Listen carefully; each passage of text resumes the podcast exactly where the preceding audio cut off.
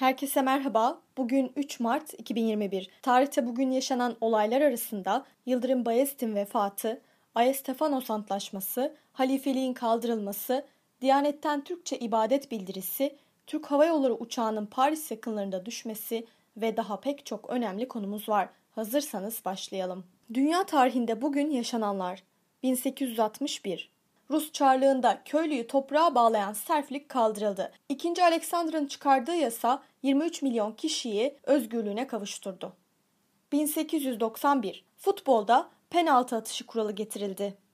1969 NASA Apollo 9 uzay aracını fırlattı. Türkiye tarihinde bugün yaşananlar 1829 2. Mahmut kılık kıyafet düzenlemesi yaptı. Buna göre devlet memurlarına fes, setre ve pantolon giyme mecburiyeti getirildi. Sarık ve cübbe ilmiye sınıfı tarafından giyilecekti. Böylece Türk tarihinin ilk kıyafet inkılabı gerçekleştirilmiş oldu.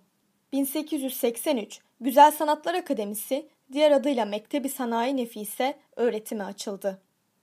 1924 Türkiye Büyük Millet Meclisi'nde halifelik kaldırıldı ve aynı gün mecliste birçok önemli karar alındı. 1925 Şeyh Said ayaklanmasının büyümesini önlemek için Takriri Sükun Kanunu kabul edildi, istiklal mahkemeleri kuruldu.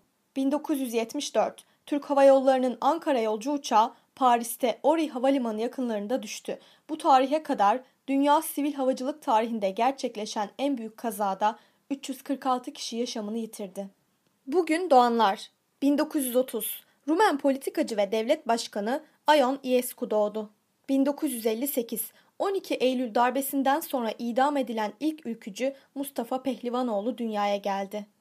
1977 Türk tiyatrocu ve senarist Berkun Oya doğdu. Bugün ölenler 2013 efsanevi Türk şarkıcı ve oyuncu Müslüm Gürses vefat etti. Bugünkü bültenimizi de burada sonlandırıyoruz. Programımızda tarihte gerçekleşen önemli olayları ele aldık. Yarın da tarihte neler olduğunu merak ediyorsanız bizi dinlemeyi unutmayın. Yarın görüşmek üzere.